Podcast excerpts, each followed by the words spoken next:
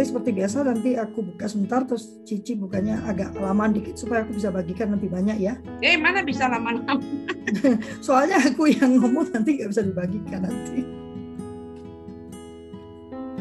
Aku sambil ngapain aja? Sambil nyulap. Ya, tahu. Oke, udah on kita. Yep. Oke, uh, selamat pagi uh, selamat pagi di hari Senin. Ini penting ini. Uh, sengaja dibuat di hari Senin kata Teh Yanti biar I love Monday. Karena biasanya kan I hate Monday ya. Ini jadi I love Monday karena di hari Senin pagi-pagi kita sudah berbagi, uh, berdiskusi tentang kepengasuhan atau parenting. Ya, uh, uh, pagi ini uh, kita uh, harusnya bertemu dengan Teh Yanti tapi ada sedikit permasalahan di rumah uh, dan saat ini Teh Yanti harus fokus untuk um, untuk men menyelesaikan permasalahan tersebut uh, karena ada yang sakit sehingga Teh Yanti harus ngurus untuk uh, untuk meletakkan beliau di rumah sakit yang tepat gitu. Sehingga beliau mem, uh, meminta saya untuk menggantikan ya. Uh, jadi memang harusnya ini Teh Yanti jatahnya Pak Irwan. Dan pagi ini saya akan bersama Kak Meli, Cik Meli. Saya mau berterima kasih dulu sama Cik Meli ya, uh, karena selalu uh, setia ya dan konsisten ya.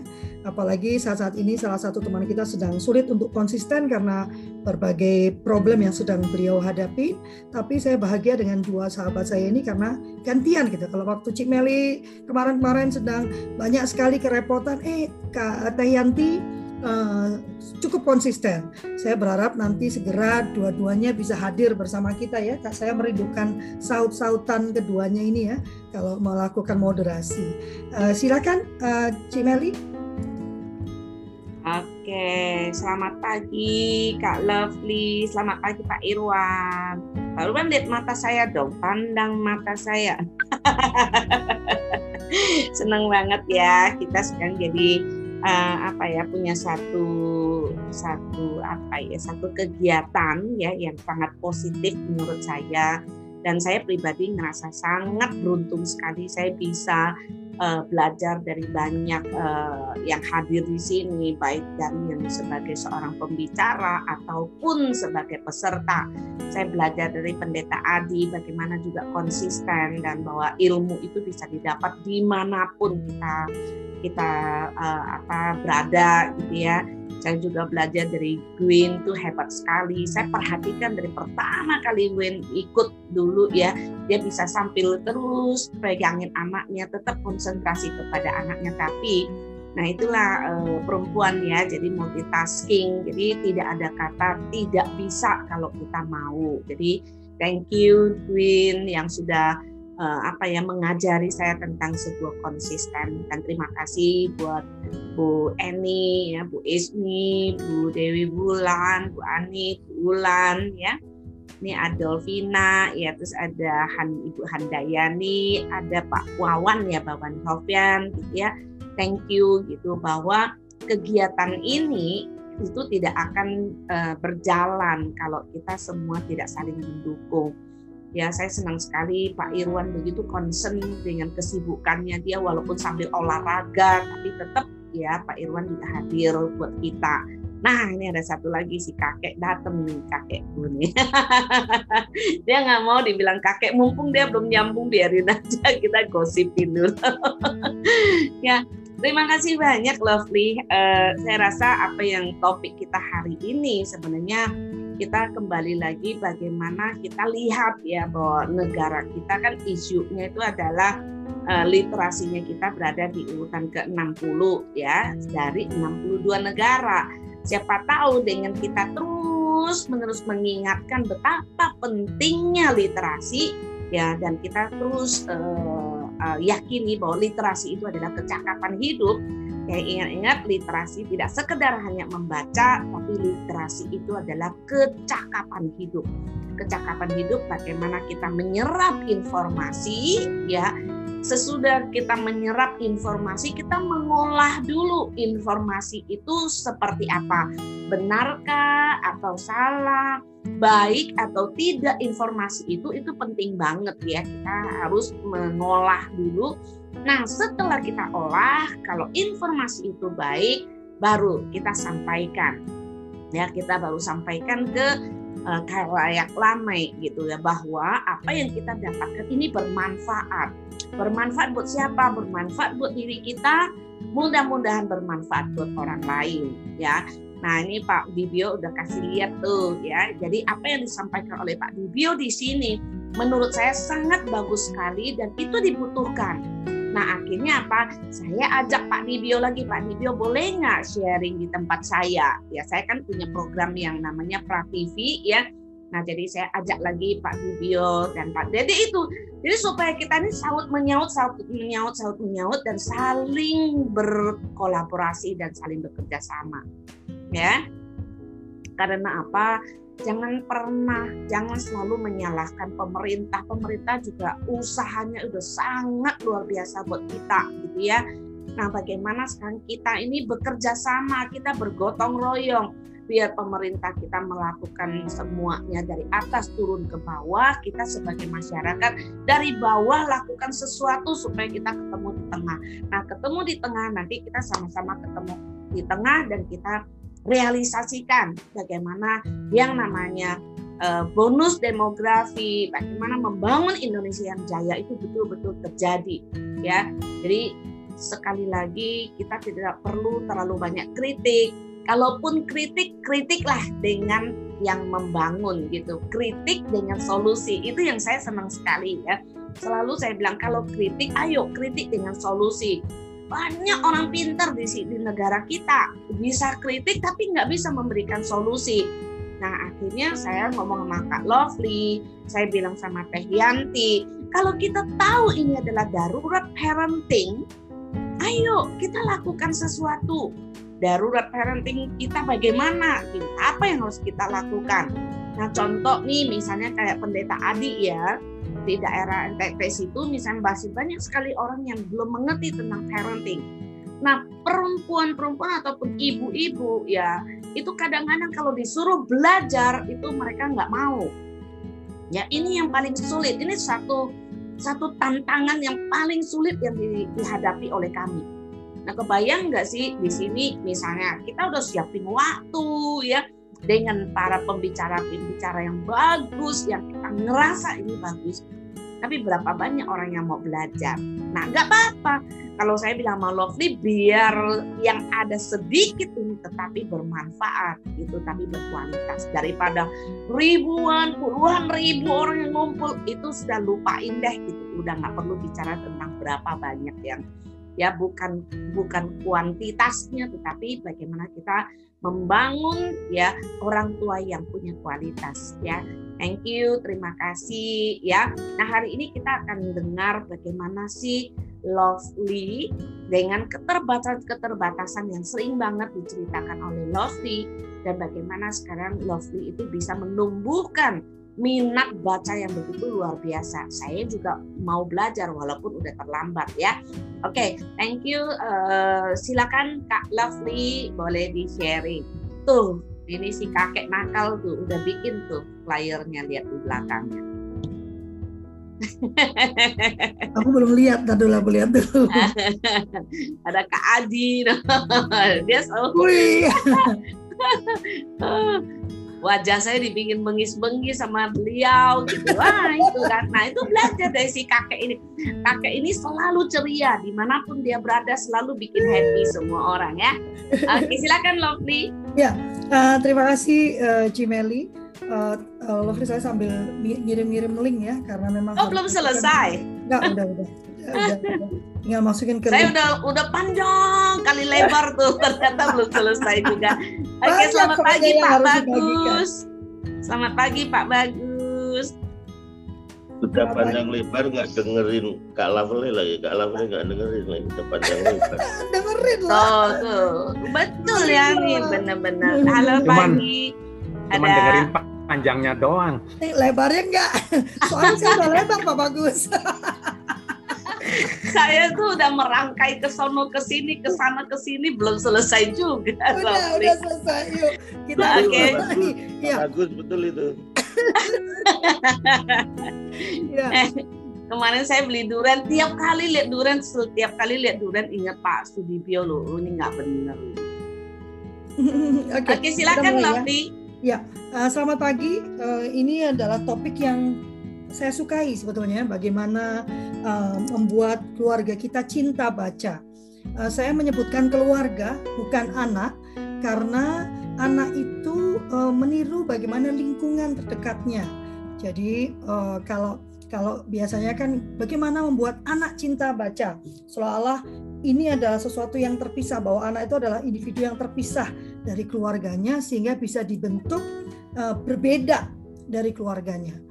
Dan ini sebetulnya yang membuat saya uh, sangat senang menjadi orang tua, jadi ibu, karena dengan pemahaman kalau saya ingin membentuk satu sikap atau perilaku tertentu pada anak saya, maka yang pertama harus saya bentuk adalah diri saya sendiri. Jadi apa pun sikap yang saya ingin uh, munculkan pada dua anak saya, uh, yang pertama itu saya harus berkaca pada diri saya sendiri. Apakah sikap itu sudah ada dalam diri saya? Kalau belum ada, berarti saya pun harus berusaha menuju ke sana. Jadi bukan untuk menjadi sempurna, tapi saya berusaha menuju ke sana. Sehingga nanti anak pun akan melihat usaha saya untuk menuju sikap yang kita sepakati sebagai sikap yang baik. Ya, uh, uh, tapi kita kita kita dia akan melihat usaha kita gitu. Jadi bukan bilang ya mama kan maunya kamu menjadi lebih baik dari mama, makanya kamu harus begini harus begitu. Nah itu itu enggak uh, enggak nyambung pada anak gitu kan dan menurut saya itu tidak tepat gitu kan. Terkait dengan membaca, yang pertama harus kita sepakati membaca itu tidak sama dengan cinta membaca itu tidak sama dengan bisa baca. Ya. Jadi cinta membaca itu tidak sama dengan bisa baca. Karena uh, di kala di masyarakat yang umum waktu bicara tentang membaca itu dia lebih banyak fokus pada keterampilan membacanya. Makanya di sekolah-sekolah itu yang dikebut itu sedapat mungkin segera bisa baca. Termasuk beberapa metode mohon maaf saya tidak mengecilkan metode-metode yang dipercaya oleh teman-teman tapi ini pendapat personal saya gitu kan. Termasuk metode-metode yang membuat anak membaca seawal mungkin, sedini mungkin gitu ya. Uh, saya kurang sepakat karena membaca itu bukan bicara tentang keterampilannya, bukan keter, bukan keterampilan membaca artinya bisa bacanya. Uh, BU, KU itu buku bacanya, bukan itu gitu kan.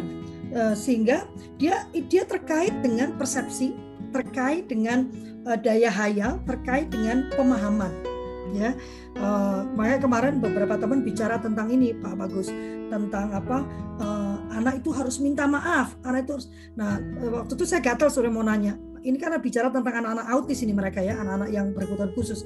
Saya mau bertanya gitu minta maaf ini ini gitu. Pertanyaan saya kan kalau pada anak yang tidak punya persepsi karena kan anak-anak yang autisme yang berat itu kan dia persepsinya tidak ada gitu kan. Uh, apakah bagaimana mengajarkan apakah ini yang sedang mereka bicarakan? Tapi waktu itu saya nggak mau nanya karena takut takut nanti jadi panjang diskusinya ya. Karena saya menghadapi uh, masalah yang sama waktu uh, menangani anak-anak autis yang berat ini kan karena kan menurut saya ada satu teman saya saat ini Pak Bagus setiap kali minta maaf aja maaf ya Kak Lovely maaf ya Kak Lovely gitu kan. Saya bilang kamu ngapain minta maaf dulu iya. Oneng. Dia bilang baca baju ini kan maaf gitu. Itu jadi lucu kan. Ya kan. Nah bagaimana kemudian bagaimana kita balik lagi ke laptop ya? Sehingga membaca itu menurut saya tidak ada kaitannya dengan cepat-cepatan mengajarkan anak bisa baca itu udah ada kaitannya. Menurut saya justru itu harus langkah yang terakhir gitu.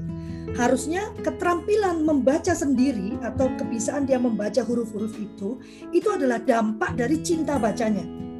Jadi itu dampak dari cinta bacanya. Karena dia sudah cinta pada kegiatan membaca, maka dia pun ingin bisa melakukannya secara mandiri. Maka muncullah permintaan, boleh nggak ma, aku pengen baca sendiri gitu. Karena itulah saya selalu dua anak saya itu karena kami homeschooling tunggal, jadi dua anak saya itu saya yang mengajarkan membaca dan menulis ya dan berhitung. Wah, saya senang sekali bisa mengatakan ini Pak Bagus ya. Uh, saya mengajarkan mereka membaca dan menulis. Kemarin juga waktu saya bicara di depan guru-guru PAUD, uh, mereka bahkan tidak tahu bahwa metode mengajarkan menulis saja, membaca itu sebenarnya banyak metodenya. Tapi mereka cuma tahu satu metode. Nah, padahal anak-anak itu uh, berbeda-beda dan dia Hmm. tidak bisa dipakai satu metode saja. Nah Ya. ini yang menimbulkan sebetulnya bukan anaknya yang dalam tanda kutip lamban banget sih nggak bisa bisa gitu kan, tapi kitanya yang tidak memahami bagaimana uh, mengajarkan dia uh, membaca menulis yang tepat dengan kondisi dia ya. Nah Hmm. ini juga salah satu alasan kenapa saya mengajak "Ayo kita harus membaca gitu ya. Ya. Nah yang pertama yang mau kita tanamkan adalah cinta baca ya cinta baca. Permasalahannya yang pertama, apakah kita juga cinta baca? Bapak Ibu terus terang, saya ini awalnya juga tidak cinta baca. Mengapa? Karena eh, saya itu terlahir dari keluarga yang kurang mampu. Sehingga buat kami buku itu kemewahan. Ya, buku itu kemewahan. Saya tidak pernah bisa membeli buku di masa itu. Jadi buku buat saya hanya un- bukan untuk menambah pengetahuan, tapi buku itu untuk mengerjakan tugas yang harus saya kerjakan. Gitu. Hanya itu saja buat saya buku itu. Jadi kalau buku itu tidak terkait dengan tugas yang sedang saya kerjakan, saya tidak tertarik untuk membaca. Itu karena tidak ada duit juga untuk beli itu kan. Eh, kelu- Hidup saya tidak dikelilingi oleh buku. Nenek saya punya baca buku, tapi ya buku eh, untuk kepentingan dia gitu ya untuk kepentingan walaupun dia punya ensiklopedia gitu ya tapi saya tidak pernah di- dibesarkan dalam lingkungan yang memang membaca itu se- sesuatu yang menyenangkan ya Eh, beliau pun eh, konvensional sehingga dia melihat kalau baca itu ya ensiklopedia. Kalau baca itu ya buku pelajaran. Kalau saya membaca buku yang lain novel misalnya zaman dulu saya membaca novel itu eh, jadi jadi masalah banget itu kan. Nah yang sehingga waktu saya eh, hamil ya waktu saya hamil eh, kami berdiskusi ya eh, antara saya dengan eh, bapaknya anak-anak ya eh, mantan suami saya bagaimana kita akan eh, membentuk anak-anak ini. Makanya saya selalu berkata bahwa visi misi keluarga itu penting gitu.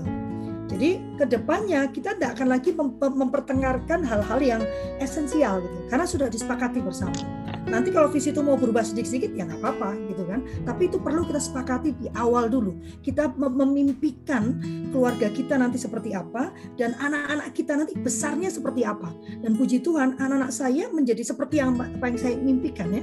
Bagaimana sikap hidup dia bagaimana cara berpikir dia itu tidak persis tapi eh, ya 85% seperti yang saya harapkan gitu ya.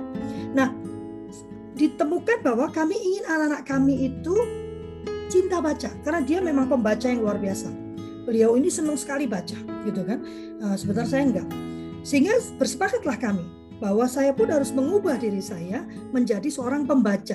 Jadi kalau ada ibu-ibu yang mengatakan, aduh Kak Lovely, saya mah nggak suka baca gitu kan. Nah ini permasalahannya adalah kalau kata Cik Meli, bukan nggak bisa. Bukan bisa, tidak bisa pertanyaannya ya Cik Meli ya. Mau atau tidak mau gitu kan. Maka memang saya memaksa diri saya untuk mengubah diri saya. Saya belum menjadi pembaca yang avid, yang 100% yang sampai bacanya banyak banget. Tapi setidaknya saya berubah dari yang tidak suka membaca kecuali saya perlu menjadi yang mau membaca. Ya, senang membaca. Bukan hobi membaca tapi senang membaca, gitu ya. Nah, bagaimana lalu yang terjadi? Dia mengatakan bahwa anak harus melihat bahwa membaca itu adalah alternatif di kegiatan lain. Ya, jadi selain apa yang sedang kita lakukan, pilihan kedua adalah membaca. Jadi di mana pun saya berada, kalau harus menunggu atau nganggur, kata dia, maka anak harus melihat bahwa pilihan kegiatan kita adalah membaca. Wah berat kan untuk orang yang senangnya ngoceh, ya senangnya ngoceh. Saya pengen ngobrol sama orang ini, ngobrol sama orang itu, tapi saya harus menunjukkan sama anak saya pada saat menunggu, yang kita lakukan adalah membaca. Salah satu yang saya lakukan waktu itu, buku itu wajib ada di dalam tas saya. Sampai hari ini saya berubah menjadi membaca elektronik ya. Di dalam tas saya boleh dicek kalau suatu waktu nanti ketemu saya, selalu ada eh, apa namanya? Kindle ya, selalu ada Kindle. Nih, saya buktikan ya. Di dalam tas saya, pouch saya selalu ada tab dan Kindle. Tab dan Kindle itu sudah menjadi kebiasaan. Kalau zaman dulu di dalam tas saya selalu ada buku. Jadi begitu ternyata ada jeda yang harus saya lakukan ini komitmen saya. Saya harus mengambil buku itu lalu mengeluarkan dari tas dan membaca. Apa pun buku itu, saya boleh baca majalah, saya boleh bawa baca novel. Yang penting adalah kegiatan membacanya yang tanpa oleh anak-anak. Itu satu. Yang selama saya hamil itu saya saya paksa diri saya untuk berlatih ya. Jadi bukan selama melahirkan. Jadi selama saya hamil saya paksa diri saya untuk berlatih ya. Jadi dulu yang saya bawa dua ya uh, buku Alkitab dan dan apa dan uh, dan buku bacaan karena kan dipercaya kalau hamil sebaiknya membaca Alkitab banyak-banyak gitu ya. Jadi saya banyak baca baca dua itu ya. Uh, karena saya sedang berusaha membentuk habit saya yang baru. Kalau sudah duduk diam membaca gitu kan, mempersiapkan sebelum dia lahir. Nah, begitu dia lahir, yang kami lakukan adalah membacakan. Jadi uh, ada tahapan kan anak itu kan kalau sudah berapa bulan kan dia mulai meremas ya. Dia mulai meremas. Lalu dia merobek gitu kan. Itu adalah tahapan perkembangan anak ya. Motorik kasar atau motorik halus itu uh, Pak Dokter Bagus? Itu motorik halus ya. Meremas lalu merobek ya. Jadi ini adalah sesuatu yang dilakukan anak di usia satu tahun ya kan? Satu tahun dua tahun benar ya Pak Bagus ya? Uh, Dokter Bagus ya? Itu yang dilakukan. Nah kami ingin membuat buku itu adalah sesuatu yang menyenangkan untuk anak nah ini triknya ya. Ini di sini kenapa anak kita jadi benci buku ya menurut saya. Sedangkan kita melihat buku itu kan kita beli dengan uang. Sehingga waktu anak memegang buku akan banyak sekali tuh kata-kata hati-hati hati-hati awas robek aduh nanti lecek ah, aduh aduh aduh aduh mama kan dia bilang pelan-pelan pelan-pelan sementara tahapan motorik anak itu meremas merobek sehingga dia memutuskan ini bukan sesuatu yang menyenangkan untuk saya itu satu dengan buku, ya. Itu satu dengan buku. Sehingga waktu dia ngeliat buku, udah nggak mau ngomong. Banyak ricuh, ya. Nanti mama akan ribut sekali tuh ngomongnya banyak banget itu ricuh. Mendingan saya nggak nggak pegang-pegang buku deh, gitu ya. Nah, ini yang tidak disadari oleh orang tua, gitu kan. Sehingga yang kami lakukan waktu itu, either saya membeli majalah-majalah bekas, sehingga untuk dia itu mudah untuk diremas, boleh diremas dan dirobek. Jadi kadang-kadang kami itu beli satu buku bisa 10 kali gitu kan karena begitu diremas dirobek kami beli lagi kami bacakan buku yang sama nanti diremas dirobek gitu kan. Tergantung tahapan perkembangannya. Sampai hmm. akhirnya dia bisa uh, apa dia bisa me, uh, membalikkan halaman-halaman itu dengan baik. Sampai hari ini bagi dua anak saya buku itu kayak harta karun. Jadi saya nggak punya harta ya. Kalau saya pindah kontrakan yang paling pusing buat saya adalah memindahkan buku. Karena banyak sekali ya kan. Bisa dua dua tiga kardus besar ya. Isinya buku semua ya, dan tidak boleh diberikan tidak boleh ditinggalkan. Gitu kan? Ya kan? Saya berusaha memindahkan ke elektronik anak saya penulis ya dia punya satu buku. Dia bilang kalau diberikan elektronik semua terus orang kayak aku makan apa mah katanya ya kan? Karena itu pekerjaan dia. Nah yang berikutnya adalah selalu membacakan. Ya membacakan. Jadi eh, saya tidak bergegas dia eh, bisa baca karena saya pernah baca justru yang cepat membaca itu kemampuan berhayalnya turun karena dia sudah memahami definisi. Hmm. Kalau dia belum bisa membaca, definisinya itu terserah dia. Jadi kita bisa main-main. Saya sering sekali dulu kalau ada crack ya atau ada stain atau noda di dinding, itu bisa menjadi segalanya itu. Bisa jadi gajah, lalu lalu kami berdua saling bercerita gajahnya lagi ngapain ya nak? Oh padahal kan gajahnya duduk anak gajahnya mana? Oh pergi mah loh terus dia ngapain? Dari satu crack di dinding ya atau satu stain atau satu noda di dinding. Saya biasakan dia untuk mengembangkan imajinasinya dengan saya berimajinasi bersama dia. Dan dulu ah, saya sering dimarahin itu ya. Kamu itu ya ngajarin anak berhayal terus nanti dia tidak membumi loh katanya gitu. Sementara menurut saya kalau saya pun membumi waktu itu, maka saya tidak akan ada di tempat saya sekarang. Karena kalau membumi tidak mungkin bagi saya untuk ada di tempat saya sekarang. Dan semua inovasi di dunia ini berawal dari hayalan. Kalau semua orang membumi, maka kita tidak akan mencapai kemajuan seperti yang kita capai hari ini. Ya. Nah, sehingga membacakan waktu itu itu adalah lebih karena saya mau memancing daya kreasi dia. Jadi waktu saya membacakan, saya tidak membacakan kalimat-kalimat. Tapi saya mencoba membawa anak saya itu ke dalam hayalan yang diberikan oleh buku tersebut. Walaupun itu buku ensiklopedia. Ya. Jadi ini adalah usaha saya. Saya hanya bicara pengalaman saya ya, karena saya bukan expert ya. Saya ini cuma ibu tunggal dari dua orang anak ya. Uh, karena saya memahami bahwa membaca itu uh, kita masuk ke dalam dunia buku tersebut. Sehingga kalau dikatakan membaca buku itu jendela dunia, itu karena pada saat kita membaca, kita melompat ke dunia yang sedang diciptakan oleh penulisnya.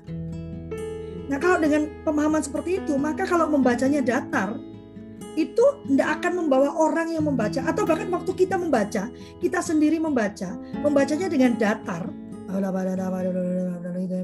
Gitu. Waktu kita sendiri baca nih ya. Tidak ada intonasi khusus untuk diri kita sendiri. Maka saya rasa kita pun tidak akan masuk ke dalam dunia yang sedang diciptakan oleh uh, penulis itu. Maka buku itu tidak menjadi jendela dunia. Dia menjadi sesuatu yang membosankan. Tapi pada saat kita sendiri membacakan pada diri kita sendiri dengan intonasi khusus di dalam kepala kita, ya kan, dan membolehkan diri kita gasping ya, gitu ya, benar-benar, uh, oh, waduh, itu kan kalau kita lagi baca uh, novel thriller, wah, waduh, waduh, waduh, gitu kan. Nah, itu yang membuat kita masuk ke dalam sehingga waktu kita membacakan pada anak itu juga yang saya lakukan. Jadi ada gasping, ada wah, wah, gimana kak? Wah gitu. Jadi dan ada diskusi. Waduh kak, kok dia kayak gitu ya kayak enggak, mama jangan ngomong dulu, bacain lagi dong. Itu mau ngapain dia gitu, ya kan? Tapi memang saya mau pastikan dia masuk, dia dia tegang juga, dia dia ketakutan, dia lagi excited gitu kan. Lalu setelah itu kalau akhirnya bahagia, kami lalu merayakan akhir bahagia itu asik gitu kan? Dia berhasil ke ayo ayo ayo sekarang apa yang bisa kita merayakannya? Kita pergi kita makan gitu. Merayakan hasil dari buku tersebut gitu kan? Benar-benar saya coba dia masuk ke dalam uh, buku tersebut gitu kan? Apa yang dikisahkan oleh buku tersebut. Hasilnya saya tidak memilih buku yang saya bacakan ya. Karena kan ada yang mikir anak satu tahun bacanya ini aja. Anak dua tahun enggak. Sehingga dampaknya anak saya yang besar umur tujuh tahun 8 tahun itu eh, 8 9, 9 tahun dia bacanya sudah niche uh, dokter bagus jadi dia sudah baca filosofi filsuf filsuf dunia, itu kan dampaknya sangat sulit buat saya untuk memberi dia perintah. Harus ada dasar filosofinya, karena dia membacanya begitu ya. Ya, dan sekarang dia jadi penulis sastra. Saya sangat bangga dengan anak yang besar ini karena dia ini ada di spektrum autis, dokter bagus ya, di spektrum autis. Jadi selalu dikatakan nggak mungkin gitu kan, nggak bisa. Tapi uh, saat ini dia sedang ada di atas kapal, dokter bagus bayangkan anak saya melepaskan anak saya yang yang yang di apa spektrum autis ya, dia ada di atas kapal, dia akan berlayar dengan kapal yang isinya cuma 8 orang Pak Irwan. Jadi kecil kapal itu, dia akan keliling Indonesia dengan kapal itu dengan 8 orang awaknya. Padahal dia itu tidak bisa berenang, dia bisa berenang tapi ya. Kemarin dia cerita baru masuk ke laut sebentar dia udah kram kakinya. nah, Uh, lalu bagaimana uh, saya mencoba dan itu saya lakukan secara konsisten. Memang menurut saya parenting itu kata kuncinya adalah konsistensi. Konsisten ya, selalu secara konsisten melakukan apa yang kita sampaikan. Jadi kayak ISO ya. ISO itu kan gini kan, uh, tuliskan apa yang kau lakukan, lakukan apa yang kau tuliskan gitu kan. Jadi visi misinya dituliskan ya kan, lalu dikerjakan itu yang paling penting dituliskan doang nggak ada gunanya ya, tapi dikerjakan. Jadi karena kami bersepakat bagaimana bentuknya nanti anak dalam membaca, itu kami lakukan. Dan kami menyisikan uang akhirnya untuk membeli buku. Saya sebetulnya waktu itu sangat gelisah karena saya tidak bisa menemukan buku um, sastra Indonesia yang cukup aman dalam tanda kutip untuk saya bacakan pada anak saya gitu kan. Saya kesulitan waktu itu. Sehingga anak saya uh, apa kurang memahami. Untungnya setelah dia besar dia membaca buku-buku itu ya. Tapi uh, apa saya sulit waktu itu menemukannya. Dan uh, atau buku sejarah. Buku sejarah kita itu isinya fakta kan. Uh, apa perang di Ponorogo terjadi waktu maghrib kan 1830 itu jam maghrib ya 1825 1830 jam maghrib gitu kan. Dulu kan kita kalau guyon gitu ya kapan perang di Ponorogo maghrib gitu kan ya. Ya dan tidak pernah ada bagaimana itu terjadi apa yang dirasakan. Sementara buku sejarah uh, uh, luar negeri itu benar-benar menceritakan bahkan bagaimana perasaannya gitu kan. Karena saya percaya sejarah itu bukan bicara tentang fakta fakta kejadian tanggal sekian terjadi ini tanggal sekian tapi apa yang terjadi, bagaimana perasaan orang-orang itu sehingga kita bisa berkaca pada sejarah. Ya, dan itu yang kesulitan saya. Sehingga sehingga saya saya sulit sekali menceritakan sejarah Indonesia pada anak-anak saya. Tapi yang saya lakukan adalah untuk mengembangkan eh, patriotismenya uh, Pak Irwan, saya ini patriot banget. Jadi kalau saya pergi berdua dengan dia nyupir motor, dia kan ada di depan saya, jadi dulu naik motor ya, atau di, di angkot, kan dia duduk di, di atas di pangkuan saya atau di sebelah saya. Lagu yang saya nyanyikan tuh lagu perjuangan. Jadi bisa 17 Agustus tahun 45 itu sambil duduk di, di dalam angkot itu jadi itu saya coba supaya paling enggak dia mencintai negaranya lewat lagu-lagu perjuangan itu gitu. I love lima menit lagi. Ya, berikutnya baru setelah mereka mencintai bacaannya, mereka merasa uh, dekat dengan buku tidak menjadi sesuatu yang menakutkan, barulah mereka meminta untuk uh, diajarkan membaca. Ini yang saya mau sampaikan pada guru-guru PAUD ya. Pada saat sudah tiba waktunya, kalau dia sudah meminta, maka dia sudah siap. Rata-rata anak saya, tiga bulan saya mengajarkan mereka membaca, dan mereka membaca lancar. Tapi memang sekali lagi konsisten. Setiap malam saya biarkan dia membaca satu kalimat, dan saya diam saja. Jadi satu kalimat itu di awal-awal bisa tiga jam. Hanya satu kalimat karena saya biarkan dia berpikir lama sekali dan tidak saya betulkan. Saya diam saja. Jadi memang memang um, apa? Memang kita mesti sabar ya kalau jadi orang tua. Bukan apa ini bukan masalah ego kita. Ini adalah bagaimana kita membentuk dia menjadi sosok yang kita idamkan. Nah, nomor satu tadi berarti kita harus mengubah diri kita. Kita harus mau mengubah diri kita menjadi orang yang paling tidak mau membaca, cinta baca dan membaca itu bukan hanya bicara tentang buku ilmu pengetahuan. Karena bagi saya semua buku mengandung ilmu pengetahuan. Yang penting adalah kita menganalisa mendiskusikannya lalu e, menerapkannya. Lalu yang kedua jadikan buku itu sahabat buat anak. Bukan barang mahal yang tidak boleh disentuh. Kalaupun kalau disentuh itu ada ritual-ritual tertentu gitu yang harus dilakukan. Tangannya harus cuci tangan dulu, ya kan? Harus duduk di tempat yang baik. Nanti kena kotoran nggak boleh kena. Tapi dia menjadi sesuatu yang menyenangkan. Kalau dia harus mengalami sesuatu yang uh, yang tidak menyenangkan, maka buku itu menjadi comforter buat dia. Itu dua. Jadi membaca menjadi sesuatu yang menyenangkan, recreational uh, reading, ya. Membaca itu sebagai rekreasi bukan kewajiban. Jangan khawatir Bapak Ibu, pada waktu buku itu menjadi satu rekreasi, maka itu menjadi uh, kewajiban buat dia. Dia akan dengan senang membaca semua ilmu pengetahuan yang ada. Yang ketiga, uh, sabar menanti tahapan dia bisa membaca. Karena bagi saya pada saat anak dipaksa untuk membaca, belajar membaca, maka cinta bacanya habis. Jadi kalau kita mau membuat itu satu yang dicintai, kita tidak memaksa, tapi kita menggoda saya senang kata merangsang, menggoda, merangsang anak terus untuk mau mengambil keterampilan yang sudah menjadi hadiah. Itu saja ya. Makasih, Ci. Wah, keren banget, lovely. Saya melewati masa-masa seperti yang kamu uh, sudah lakukan ya. Hmm. Tapi ini ada satu hal yang saya senang sekali sebelum anak-anak saya besar itu, saya ketemu sama almarhum Bapak Daud Yusuf.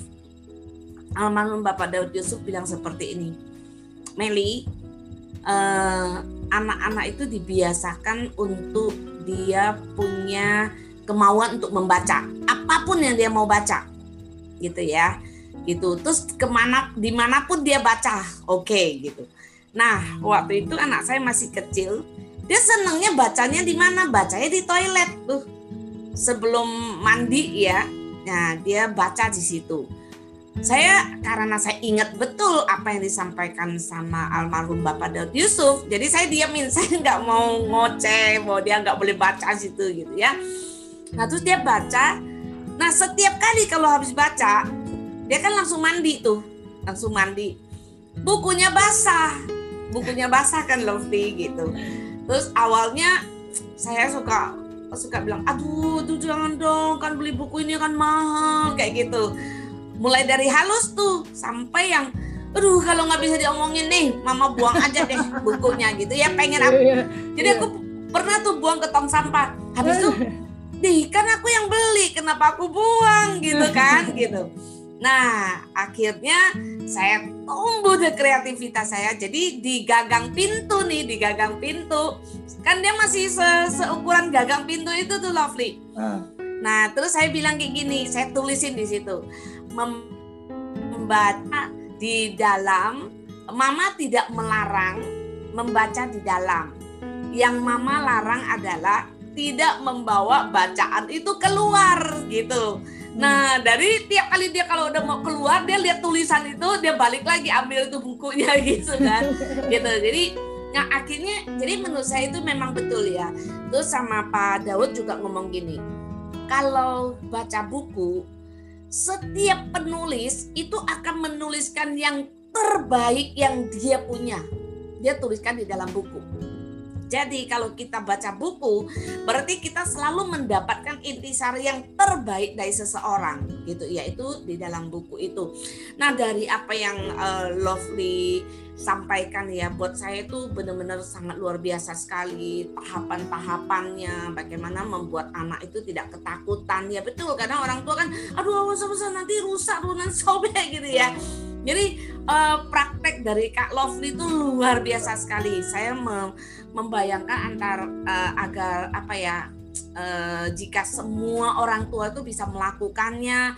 Nih Gwen, kamu bersyukur sekali hari ini ada di sini. Anak kamu masih kecil banget gitu ya. Terus ini ada opa-opa nih, opa Pak Sudibyo nih udah mikir nih nanti ke ke cucunya bagaimana dia sekarang uh, membalas dendam ke cucu-cucunya gitu ya. Gitu. Jadi menurut saya ini betul-betul uh, saya sangat menghargai itu ya Lovely betapa yang kamu lakukan dengan hasil dari anak-anak kamu itu adalah sebuah konsistensi yang sangat luar biasa. Saya sangat apresiasi untuk itu. Ya, silakan. Nah, mungkin di sini uh, ada beberapa yang Yap, silakan Pak Sudibyo. Nih, yeah. Oh, Pak Sudibyo setelah ada Bapak, Opa ini ya belum belum saya kasih kesempatan tuh bertanya dia udah mau bertanya nih karena saya, dia soalnya saya sangat tertarik dan terutama cara Lovely menyampaikan dengan kata-kata merangsang tadi saya sangat terangsang untuk bicara untuk bicara maksudnya baik oke okay, oke okay. uh, silakan pertama, pak ya pertama saya ingin appreciate ya luar biasa. Apa yang disampaikan oleh Lovely ini luar biasa. Dan ya. saya setuju itu. Karena dalam uh, budaya itu masyarakat pada tataran rendah itu adalah masyarakat yang hanya senang melihat itu pertama. Kedua masyarakat yang mau mendengar. Jadi yang terendah itu adalah masyarakat yang melihat. Jadi kita mohon maaf ini Indonesia masih dalam tanda petik kita masih kadang-kadang dikatakan orang Indonesia masih masuk tataran masih melihat senang melihat jadi kalau ya. ada kerumunan itu bukannya dijauhi tapi malah ikut hmm. mendatangi ada ini dan sebagainya ini jadi masyarakat melihat itu uh, watching society itu yang terendah kemudian meningkat menjadi listening society adalah masyarakat yang mau mendengar sebenarnya kita bisa seperti tadi kita kan dengan patuh mendengarkan ceramah Lovely yang luar biasa tadi ya kan ya. jadi itu adalah kita uh, adalah sudah meningkat budaya kita meningkat karena kita mau mendengar jadi masyarakat mendengar Ya. Kemudian meningkat lagi menjadi masyarakat yang membaca. Ya. Jadi kalau Lovely sudah mengajari anak-anaknya tadi luar biasa, kalau sudah senang membaca, jadi anaknya Lovely ini sudah meningkat pada tataran yang ketiga dalam budaya masyarakat itu menjadi masyarakat yang senang membaca. Karena jarang orang senang membaca. Nanti saya kasih datanya lucu sekali untuk Indonesia ya, masyarakat membaca kita. Ya. Kemudian yang terakhir adalah masyarakat yang mau menulis. Nah, yang menulis ah, ini ya. Meli luar biasa, senang menulis ya. Itu sudah masuk tataran masyarakat yang tertinggi dalam budaya budaya struktur masyarakat itu. Kalau orang sudah wah itu Meli lulus itu ya, nanti eh, eh, Gwyneth itu supaya menulis selain membaca dia harus mulai rajin menulis, menulis unek-unek boleh, hmm. eh, termasuk Twitter apa gitu ya. Nah ini anehnya di Indonesia itu ya meskipun kita itu bukan tergolong masyarakat yang senang membaca karena apa menurut UNESCO itu kita itu berada di urutan kedua kedua terakhir dari semua negara yang yang mau membaca ya kasihan kita itu masa urutan kedua terakhir itu dari masyarakat yang mau membaca itu kasihan kita masih kalau kalau menurut World Most uh, Literate Nations itu kita di uh, urutan uh, di bawah Botswana. Setelah Botswana Indonesia. Jadi kasihan gitu. Kita hanya mengalahkan Botswana ya tapi ya itulah mungkin kita masih senang menjadi masyarakat yang melihat tadi ada teroris nembak di Tamrin bukannya pelari malah didatengin ingin melihat dan sebagainya ada kecelakaan rame-rame datang cuma ngelihat bukan nolong tapi malah motret-motret dan sebagainya. Iya. Nah, anehnya Indonesia Bikin itu adalah gadget. pemilik gadget terbesar di dunia, termasuk yes. terbesar. Karena 60 juta penduduk Indonesia itu punya gadget. Kon besar sekali ini bersama dengan melebihi berapa kali jumlah negara Singapura kita sama ya. dengan uh, apa ya 60 juta penduduk kita kalau penduduk Singapura cuma 5 juta kita lebih dari 12 kali ya 12 kali penduduk ya. dari negara Singapura ini Indonesia punya gadget dan kita tidak pernah membaca tapi kita juara Twitter makanya ya. banyak sekali hoax itu ya, ya dia, yang paling berisik mhm. karena pertama dia tidak pernah membaca tapi sering nge-tweet nah ini juara pertama di dunia itu termasuk Jakarta itu Jakarta Bandung itu termasuk kota-kota yang seneng nge-tweet ya. Nah harusnya orang yang seneng Twitter Instagram main-main di medsos itu harusnya orang-orang yang senang membaca. Supaya dia berpengetahuan. Jangan jangan hanya tidak pernah membaca tapi senang mengutarakan sesuatu ya di Twitter, di Instagram, di ini gitu. Kira-kira gitu ya, kayak Pak Bagus banggut-banggut kayaknya setuju itu. Tapi, tapi ini adalah tugas kita bersama, bagaimana supaya kawan-kawan di Indonesia itu senang membaca. Jadi kita termasuk Lovely, Cak Meli, Pak Bagus, Pak Irwan dan kawan-kawan ini kan berusaha keras dan kawan-kawan lainnya ya yang hadir dari ya pendeta Adi dan sebagainya itu berusaha keras mengajak orang untuk membaca. Ya minimal mendengar dulu nggak apa-apa lah, makanya kita cerewet hanya didengerin 20 orang, 30 orang, 100 orang, biarkan aja. Nanti itu ya bagaikan tetes air. Kalau air itu menetes satu, satu, satu terus itu batu aja bisa tembus. Yes. Batu yang keras itu hanya dengan tetesan air itu bisa berlubang gitu ya artinya. Gitu. Jadi biarkan aja ini terus mengalir. Ingat bahwa segelintir orang yang bermotivasi tinggi itu bisa mengalahkan dunia istilahnya gitu ya. Jadi bagaimana kita kan hanya orang lima orang begitu dia bermotivasi tertentu, wah itu bisa menjadi eh, merubah suatu keadaan gitu ya dari itu. Jadi waktu kemerdekaan dulu kan gitu ya, hanya beberapa pemuda tapi dengan tekad yang luar biasa, maka kita bisa merdeka ya dengan ini.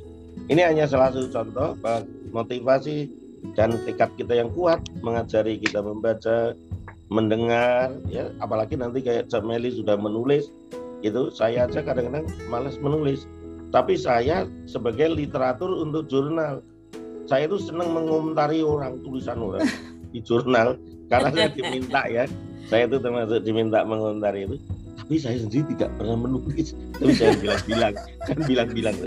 Tulis dong grand parenting ya. Jadi ya, nanti gini grand parenting kemarin saya pikir seneng banget tuh Pak Dibio. Iya uh, makanya. apa yang dilakukan Pak Dibio hmm. nanti Pak Bagus sama iya. Pak Irwan ini tiga kakek ini udah boleh mengumpulkan satu tulisan. Jadi iya, nanti saya gawangin ya. Nanti saya ini.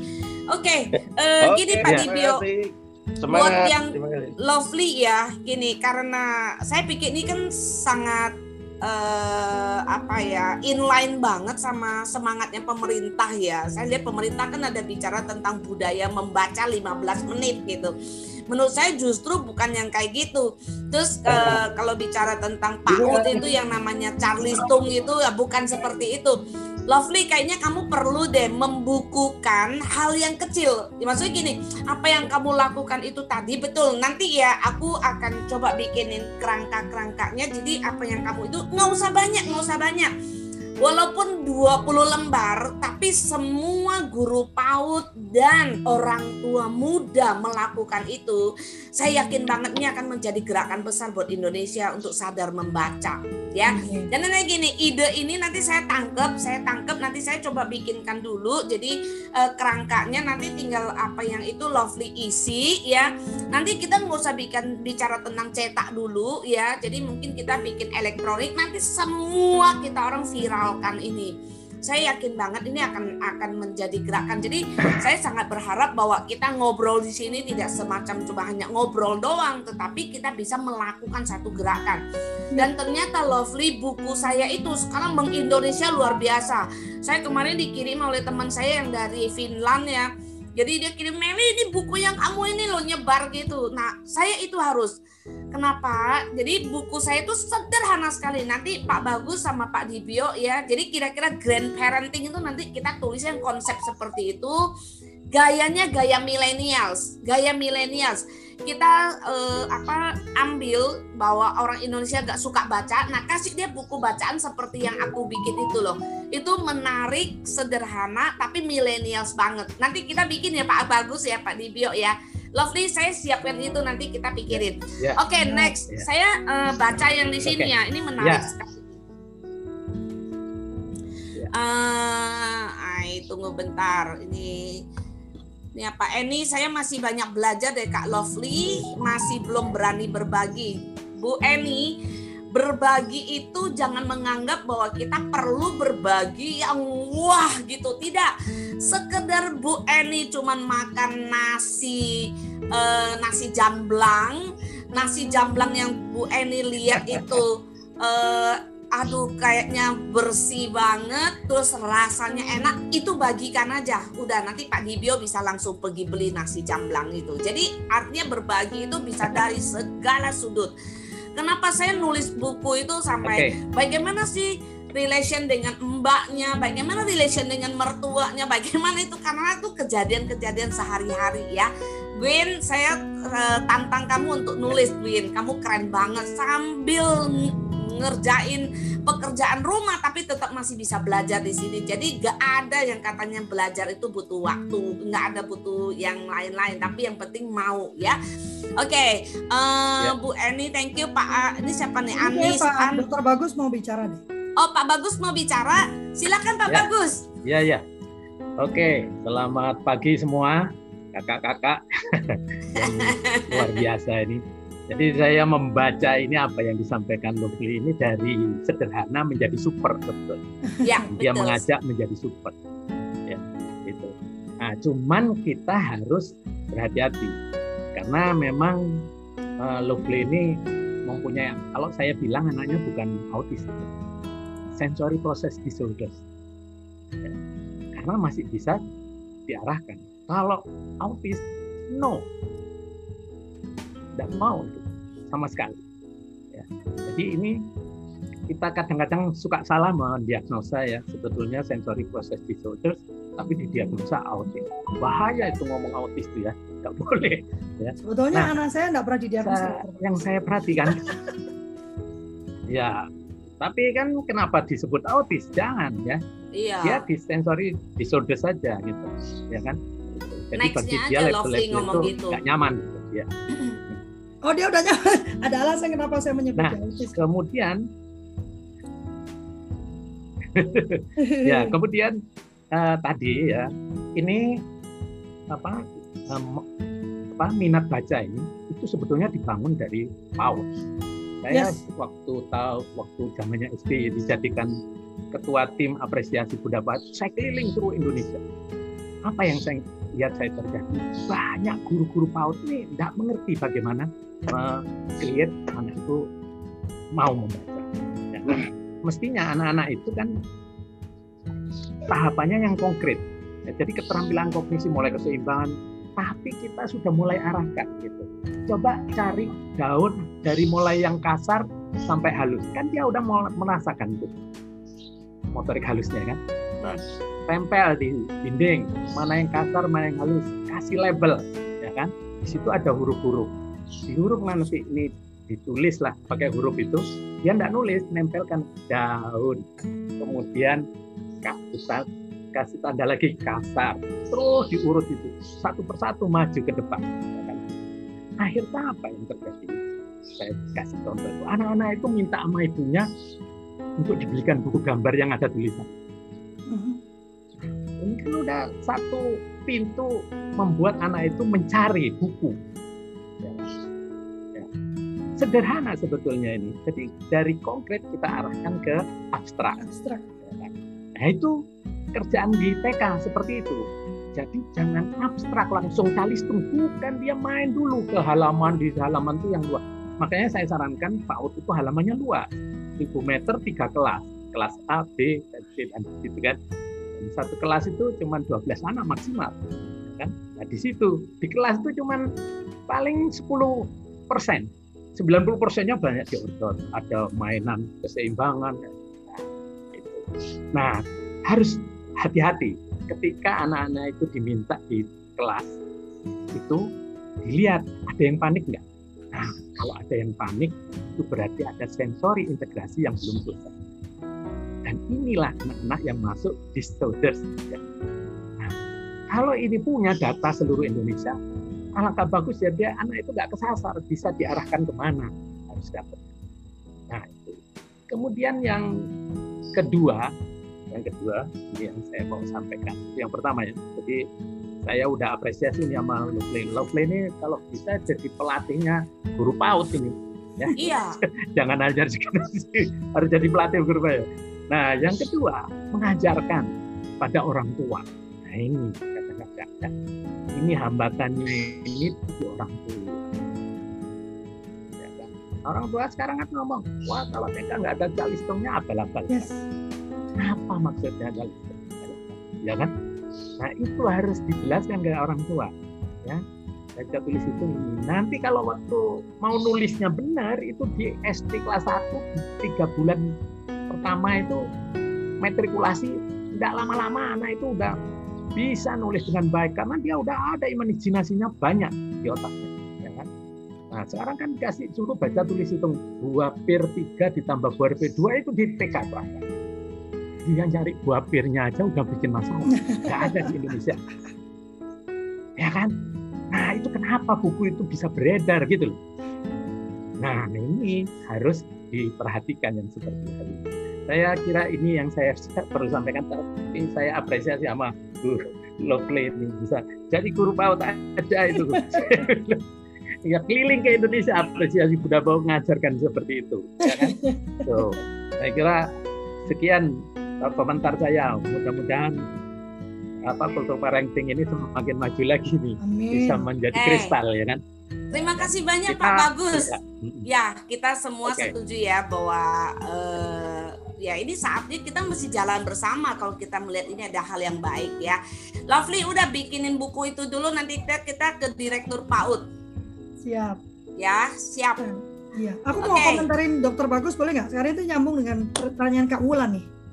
Oke, silakan. Ya, ini uh, kemarin waktu saya bicara di depan guru-guru kan saya juga menyampaikan yang sama ya bahwa tidaklah kita ber, apa bergegas-gegas gitu uh, mengajarkan membaca dan menulis pada anak TK ya. Nah, karena harusnya itu ada di kelas 1. Karena kalau kita baca kurikulumnya kelas 1 semester 1 itu targetnya hanya membaca dua suku kata, buku. Itu kelas 1 semester 1 selesai menu, uh, berhitung pun tuh 1 sampai 10 itu kelas 1 semester 1. Jadi sebetulnya kurikulum kelas satunya itu memintanya baru buku baca dua suku kata. Belum pakai eng, belum pakai eng gitu ya, masih yang dua suku kata yang sederhana. Nah, uh, pertanyaannya lalu ngapain di TK itu sudah perhitungan bahkan ke, ke bawah gitu kan menghitung ke bawah itu itu menurut saya merusak sama sekali itu yang akhirnya ma mohon maaf ya saya itu nggak sepakat sama sekali kan ada orang bilang gini ini saya ulang berarti ya uh, lebih baik tidak mengajarkan anak matematika tapi mengajarkan dia uh, mengantri. Nah, ini sebetulnya bukan salah anaknya, ini salah kita. Karena kita tidak melihat matematika sebagai konsep, kita melihat matematika sebagai alat berhitung, makanya cepet-cepetan ngitung. Padahal kalau cuma mau cepet-cepetan ngitung, dulu itu ada, mohon maaf ya, ada satu lembaga yang menawarkan anak bisa menghitung dengan cepat. Ya kan, bayar sekian juta. Saya bilang udahlah 12 ribu aja. Kok? Ya kan kasih kalkulator aja dia ngitungnya udah cepet tuh. Ngapain juga dia masih pakai ini saya bayar juta-jutaan kasih aja kalkulator kan ngitungnya cepet udah. Nggak penting gitu kan. Ya kan? Karena bukan itu ditujunya. Yang mau adalah lewat matematika logika dia berjalan. Matematika itu logik gitu kan. Sehingga kalau itu yang kita pakai dia akan teratur. Hidupnya akan teratur. Dia mengatur waktunya dia mengatur langkahnya karena semuanya logik. Dan anak saya Uh, saya menyebutnya di spektrum, saya mengatakannya spektrum autis, uh, dokter bagus ya. Karena sebetulnya waktu itu saya cari sendiri tem dia nggak ketemu-ketemu oh dia kayaknya autis bukan ya kan? Oh dia kayaknya Asperger. Enggak juga gitu kan? Akhirnya saya memutuskan saya berhenti mencari saya sebut aja dia gifted talented lah gitulah. Supaya saya nggak terus nyari saya mending fokus ke membantu dia apa bisa uh, coping with the world gitu ya. Karena kalau cerita tentang dia tuh nanti satu cerita lagi gitu ya. Nah tapi menurut saya kita dalam konteks belajar membaca, menulis, berhitung itu, saya mengajak Pak Dibio, saya mengajak Pak Irwan, Mas Anil ya, Cik Meli, nggak bisa cuma ngomong ke guru, karena guru itu dituntut oleh orang tua murid. Yang perlu kita ajak bicara adalah direktur SD. Direktur SD perlu mengeluarkan instruksi kepada seluruh SD bahwa mereka tidak boleh meminta baca tulis hitung sebagai, hitung sebagai prasyarat masuk SD. Kenapa ada itu? Karena itu syarat masuk SD. Sementara di kurikulumnya nggak boleh. Di Direktorat PAUD sudah dinyatakan tidak boleh. Tapi di Direktorat SD belum ada keluar pernyataan resmi yang mengatakan tidak boleh ya. Jadi prasyarat ya. Selama sekolah masih mensyaratkan itu untuk masuk, orang tua akan terus menuntut. Jadi gurunya ini kecepet di tengah. Yang salah pembuat kebijakannya. Tadi kita bagi kita bicara jangan mengkritik pemerintah, tapi ini kritik yang membangun menurut saya. Gampang aja kok. Uh, Direktorat SD membuat MOU dengan TK, lalu memerintahkan kepada seluruh SD di bawah dia kan, tidak boleh, ya kan? Sehingga kita tidak meneruskan lingkaran ini. Satu lagi perlu bicara pada vokasi. Yang disebut vokasi itu apa sih? Kursus itu kan vokasional. Kursusnya bicara. Jadi vokasi itu apa? apa keterampilan yang disebut dalam lingkup vokasi. Jadi kalau kita mau buka kursus, apa yang boleh kita kursuskan? Masa kursus baca tulis hitung itu bukan kursus. Itu bukan vokasi. Gitu kan? Ngaco itu. Maaf ya, saya bicaranya keras ya. Ya kan? Itu dan harusnya direktorat vokasi bicara, "Lo lo lo, kamu pakai izin apa?" Izin kursus, Pak. Mana bisa izin kursus? Tidak ada itu vokasi baca tulis hitung. Itu keterampilan yang didapat di persekolahan ya kan itu keterampilan bukan vokasi gitu nah ini yang perlu didudukkan gitu waktu saya bicara tentang peta jalan saya sampaikan bahwa sebetulnya undang-undang sisi itu sudah jelas mengatur siapa vokasional, siapa kesetaraan itu sudah jelas. Tapi turunan di bawahnya yang terjadi malah kita dibenturkan oleh pemerintah. Kita dijadikan musuh satu sama lain karena dia tidak mengelola dengan baik itu loh. Ya kan? Oke. Okay. Ya, yuk kita usulkan. Lovely. Sorry, tadi saya bukan bicara tentang kita nggak boleh kritik pemerintah. Saya bilang kritik dengan solusi. Nah, hmm. sekarang kan uh, kamu kan ngerasa bahwa ada yang harus dilakukan ayo gitu. Kita lakukan sesuatu tapi dengan menawarkan solusi-solusi ya. Oke terima kasih banyak Pak Bagus. Uh, tadi penambahan dari Pak Bagus itu luar biasa sekali ya. Andaikan kita semua paham untuk ke sana gitu ya. Kita mesti melakukan sesuatu. Mulai dari mana deh langkah-langkah kita semua? Misalnya dengan yang punya sekolah ya oke okay, udah ngerti bahwa sekarang sekolah kami berubah. Tanpa diminta kami sekarang udah melakukan perubahan itu gitu. Nah kalau buat yang orang tua ya seperti Gwen ya tuh dan uh, teman-teman yang muda-mudanya itu gitu ya bisa mempraktekkan ini dan ceritakan ya ceritakan bisa lewat Twitter bisa Adi, lewat. Pendeta Adi mau nanya dari tadi tuh kita waktunya udah mepet. Siapa? Pendeta Adi dari tadi udah angkat tangan dia. Saya soalnya nih waktunya udah mepet iya, nih. Udah. Iya. iya. Coba kasih sedikit aja lah. Kita masih punya waktu tiga menit deh. Oke, silakan ya. Jadi benar itu. Itu kita harus kritik tapi kasih solusi ya. Iya. Dokter Bagus kita beri kesempatan untuk Pendeta Adi dulu ya. Pendeta Adi tadi dari tadi raise hand terus nih. Silakan Pendeta. Ya, terima kasih. Mungkin waktunya sudah singkat, tapi uh, ketika mengikuti kultur parenting ini selalu ada hal baru yang didapat. Dan uh, pagi ini Bu Lovely uh, bicara tentang kecintaan membaca dengan keterampilan membaca. Nah, menurut saya ini yang mesti di apa uh, breakdown di dalam uh, seluruh aktivitas, baik itu di dalam keluarga maupun di sekolah. Nah, saya ingat bahwa anak-anak saya juga uh, dengan gaya belajar mereka masing-masing ketika saya menerapkan uh, satu metode kepada anak saya yang sulung empat tahun dia sudah punya kecintaan membaca. Tetapi ketika metode yang sama saya terapkan kepada anak saya yang kedua metode itu tidak nyambung karena gaya belajarnya dia berbeda dengan gaya belajarnya yang sulung. Nah uh, karena itu saya setuju dengan uh, Bu Lovely dan Bu Meli untuk uh, dua hal yang berbeda antara kecintaan membaca dengan keterampilan membaca ini mesti di, ditulis dan di ya sosialisasikannya uh, ke seluruh lingkup baik itu orang tua, keluarga maupun uh, pihak sekolah uh, dari PAUD sampai ke jenjang yang lebih tinggi. Saya kalau mengikuti kultur parenting ini tiba-tiba saya kadang merasa menyesal atau merasa seperti terlambat bahwa ada banyak ide-ide baik yang sebenarnya diam-diam kami mengerjakannya tetapi mungkin uh, tidak mendapat konfirmasi dari para ahli sehingga hal-hal baik yang dikerjakan itu seiring dengan perjalanan waktu dia melentur uh, me, meluntur seperti itu.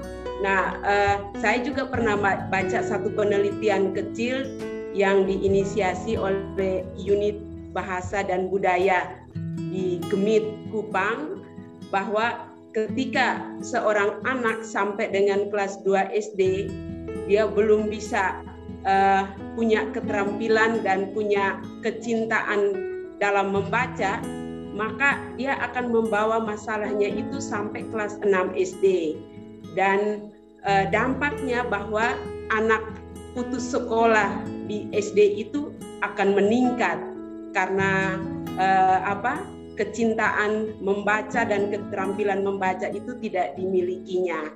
Nah, ini yang membuat saya juga ketika melihat anak-anak di sekitar saya, baik itu anak-anak jemaat maupun tetangga-tetangga, kalau sudah sampai kelas 2 SD mereka belum punya keterampilan dan kecintaan membaca, hati saya seperti sedih begitu. Tapi ya seperti orang yang tidak berdaya untuk ini mau buat caranya bagaimana.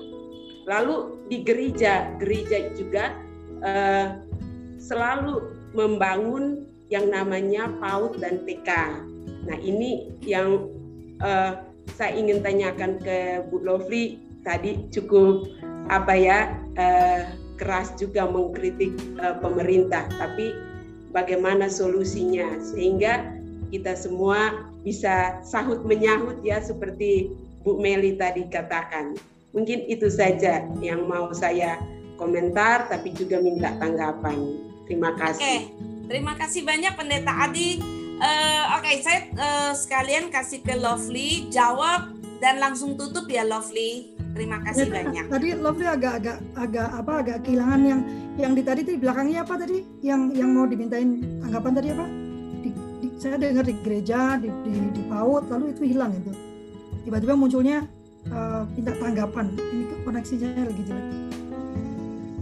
Uh, itu berhubungan dengan apa yang tadi Bu Lovely katakan kepada pemerintah yang kritik yang tegas itu yang tegas tapi juga harus disertai dengan solusinya seperti apa. Ya. Ya, uh, apakah bisa tambah satu lagi? Oh iya. Alor. Ya Pak Anies ya. Oh, Pak Anies, bukan Bu Anies, ya. Kak Meli. Ya, tadi ya. saya udah lihat ada ada gambar laki-lakinya, maka saya ya, ya, ya. panggil dia Pak betul. Anies. Iya, ya, betul. Silakan Pak, singkat Pak. Baik, yang disampaikan oleh mungkin saya singkat saja. Memang pagi ini saya bisa berjumpa dengan orang-orang hebat uh, yang saya harus banggakan dalam Zoom pagi ini. Jadi uh, saya mungkin langsung saja. Memang apa yang disampaikan oleh Ibu Pendeta tadi itu memang sangat sangat benar. Kami di di Alor, walaupun tadi di NTT walaupun tadi disampaikan bahwa kritik pemerintah itu sangat kurang bagus juga tapi memang eh, baru-baru uh, ini saya sempat kritik karena ada anak SMP yang sampai hari ini tidak tahu membaca. Ketika saya mengkritik itu malah saya ditekan oleh uh, pemerintah begitu. Wah, kenapa kok harus harus munculkan uh, kita punya privasi ke permukaan begitu. Jadi memang ini ini yang perlu di, dicari solusi. Apalagi saya lihat orang-orang hebat ini. Saya memang uh, untuk sementara ini uh, saya punya enam PAUD dengan dengan cara kerlip sendirilah begitu dengan usaha-usaha sendiri uh, bagaimana kita mensosialisasikan bahwa pentingnya pendidikan ke, kemudian pentingnya literasi begitu. Dari kita memulai dari sejak dini. Itu kami sudah memulai tapi memang yang tadi saya tulis itu uh, eh, SDM kami terbatas. Kemudian fasilitas kami ter, tidak menunjang. Kemudian uh, eh, SDM kami terbatas itu kenapa? Karena yang mengajar khusus yang untuk saya punya itu yang mengajar PAUD itu anak berijazah SMA dan memang belum belum dilatih juga. Tapi uh, mudah-mudahan saya dengar ini uh, Bu Lovely mudah-mudahan ke depan kalau seandainya saya buat uh, pertemuan atau pelatihan walaupun mungkin dengan jumlah yang terbatas bisa ibu bisa kasih ceritakan pengalaman-pengalaman yang sangat luar biasa ini bahkan bukan ibu Lovely saja tapi ibu Meli dan Pak Bagus, dokter bagus. Ya. Silakan ya. Pak Anies. Ya. Uh, Pak Anies, silakan kontak saya nanti dengan senang hati kami akan membantu. Baik, baik. Memang uh, terus terang kami masih tertinggal sekali, tapi kami harus memulai dengan keter yes. ketertinggalan kami dengan semangat. Yes. Itu yang penting Pak Anies. Yes. Oke, terima kasih. Ayo Lovely, lima menit aja. Ya. Saya terus terang kemarin ini saya buka saja ya, karena saya memang gitu ya. Uh, saya kemarin juga datang ke ke acara PAUD itu ya. Uh, saya diminta jadi narasumber. Saya benar-benar kecewa gitu. Saya benar-benar kecewa. Uh, uh, ini untuk parenting ya. Tapi saya berasa seperti sedang melacur gitu kan. Datang hanya untuk dapat uang untuk jadi narasumber. Tapi saya benar-benar merasa tidak memberikan ilmu apa pun. Karena waktunya sempit sekali gitu. Sementara pemahaman guru PAUD itu masih sangat minim gitu kan. Ya kan? Uh, dan uh, saya seperti datang ke sebuah kerajaan kecil gitu kan dengan para pembesar-pembesar lokalnya gitu. Saya benar-benar tidak nyaman dengan kondisi seperti itu ya. Saya benar-benar kecewa, ya kan. Uh, sehingga kemudian saya bicara sama Kak Seto, saya bilang Kak Seto, saya mau bikin satu acara baru lagi, ya kan. Uh, Asapenda akan bikin satu acara baru lagi karena kultur parenting itu kami bertiga, tapi Asapenda punya daya gigit yang lebih lebih lebih kuat sebetulnya kalau menurut saya ya. Maka setiap Selasa malam Cik Meli sekarang ada belajar belajar parenting ya, belajar parenting. Nah, nanti Pak pasti Cik Meli akan saya minta untuk kontribusi dokter bagus ya, dokter Pak Pak Pak, Pak Dibio gitu kan. Tapi bedanya dengan kultur parenting pagi, di hari Selasa malam tuh saya maunya how to. Jadi langkah-langkah diajarkan gitu. Jadi kan nanti kalau dokter bagus bicara uh, bagaimana menyiapkan motorik halus gitu kan, umur sekian itu benar-benar kita ajarkan langkah-langkahnya gitu. Dan tadinya saya menyasar pada guru PAUD saja tapi lalu guru PAUD bilang nggak bisa kalau free. Untuk orang tua muda juga boleh. Oke, kalau gitu saya sebutnya belajar parenting gitu kan. Selasa malam jam 7 malam ya. Mohon maaf yang yang di daerah Indonesia Timur mungkin jadi malam banget ya buat pendeta Adi ya. Tapi uh, jadi jam 8 nggak apa-apa ya. Uh, jam 7 malam gitu kita lewat Zoom saja tetap saya sediakan gratis gitu ya Nah, saya kalau gatel, kalau saya gelisah, saya ingin saya lakukan, saya buat gratis saja. Semua bilang percuma kalau free. Ah, saya nggak peduli ya, saya nggak peduli. Saya mau yang mau belajar, ayo kumpul. Saya sediakan tempat belajar, ayo kumpul, uh, kita diskusi bareng. Selasa pembicara pertamanya Kak Seto. Jadi Kak Seto akan belajar menyampaikan TK adalah tempat bermain. Ya, berikutnya nanti saya akan data nih teman-teman yang ada di di kultur parenting pagi uh, untuk jadi juga ber berbagi. Kak Anil, Kak Anil oke okay ya, siap ya, mau ya, Selasa Mas Anil, Bang Anil. Salam sehat, semangat Kak. Iya, iya. Yuk, saya bikinkan yang baru karena saya gelisah waktu saya ikut pelatihan PAUD itu kan, aduh, ini nggak benar ini. Sementara guru guru PAUD yang saya tunggu begini ya Bapak Ibu ya, saya nggak peduli Anda lulusan mana. Karena lulusan Anda itu nggak menjamin, benar kata kata Pak, Pak Menteri, Anda S1 SPD, nggak menjamin itu, nggak menjamin, gitu kan saya selalu bilang bahwa uh, star, uh, syarat utamanya adalah cinta anak. Benar nggak dokter bagus? Cinta anak itu nomor satu. Yang kedua mau belajar. Udah itu aja. Karena dua ini saya nggak bisa ajarkan. Tapi pedagogiknya saya bisa ajarkan. Benar nggak dokter bagus ya? Pedagogi bisa saya ajarkan. Iya, tahapan betul. motorik kasar saya bisa ajarkan. Menyiapkan motorik halus saya bisa ajarkan. Iya. Sosial emosi saya bisa ajarkan. Yang tidak bisa saya ajarkan adalah mencintai anak dan keinginan untuk belajar itu yang tidak saya saya oke okay, lovely waktu kita ya? udah habis saya ada acara yang lain ini ibu satu yang ya. sibuk sibuk saya sekali sorry banget banget ya Ya, jadi Oke, uh, kita tutup ya. Pak Anies sudah ada grupnya ya di Telegram. Saya kasih link di sini ya. Ya, ya. boleh, boleh, boleh, boleh. Ya, silakan, Cik. Oke, terima kasih banyak ya semua teman-teman ini pembahasan yang sangat luar biasa sekali. Tapi uh, menurut saya kalau kita udah membahas sesuatu, kita punya suatu kerangka pemikir yang bagus dan realisasikan. Wah, Tuh, Milo, Milo udah, mulai fisik nih Milo. Oke, terima kasih banyak. Silakan Lovely ditutup. Ya, jadi uh, apa uh, dalam mengajarkan pembaca menurut saya bukan mengajar membuat anak cinta baca itulah sebabnya judulnya adalah keluarga cinta baca. Karena kita tidak mungkin bisa mengkreat anak yang cinta baca kalau keluarganya tidak setidaknya menjadi mau membaca tidak perlu sampai ke cinta deh mau membaca maka nomor satu dan ini untuk segalanya ya pada saat kita ingin menerapkan perilaku pada anak maka kita ngaca dulu perilaku itu ada nggak pada diri kita kalau belum ada, maka kita yang pertama kali harus berusaha mengubah diri kita memiliki perilaku tersebut. Tidak nunggu sempurna, karena nanti anak juga akan melihat usaha kita untuk mencapai perilaku tersebut. Yang kedua, jadikan buku itu sebagai sahabat anak buku itu sebagai sesuatu yang menyenangkan, bukan momok. Jadi kalau anaknya masih dalam tahapan meremas dan merobek, belilah buku yang murah atau kalau punya brosur-brosur itu dijadikan satu sehingga boleh dirobek kapan pun. Yang penting itu ada ada gambar, ada sesuatu yang kita bisa sampaikan karena kalau menurut uh, uh, Dokter Trigun kan ini bicaranya kosakata. Jadi kita cerita aja, tapi boleh dirobek. Nanti kita bikin lagi. Jadi jangan membuat anak berhenti tahapan perkembangannya demi kita menghargai buku. Berikutnya, ajak dia masuk ke dalam cerita buku. Jadi waktu kita membacakan atau kita membaca untuk diri kita sendiri, pakai intonasi-intonasi. Bawa diri kita dan anak masuk ke dalam cerita buku tersebut sehingga buku itu benar-benar menjadi jendela dunia. Terkait dengan advokasi, mari bersatu kalau semua guru PAUD mengatakan hal yang sama, orang tua mau lari ke mana? Dan saatnya kita bicara pada Direktorat SD dan juga advokasi dengan dengan sorry vokasi untuk benar-benar menurunkan definisi tentang keterampilan yang bisa dikursuskan lalu uh, tentang apa persyaratan masuk ke SD. Begitu ya. Terima kasih. Terima kasih untuk tantangannya menulis. Itu sudah ditantang anak saya berkali-kali tapi ini ngeles ya. Lovely ini bentuknya kinestetik. Jadi kalau suruh dia menulis itu berat. Silakan. Terima kasih. Yuk kita foto dulu, foto dulu, foto, foto dulu. Aku lupa kalau aku ini ya yang bagian nutup.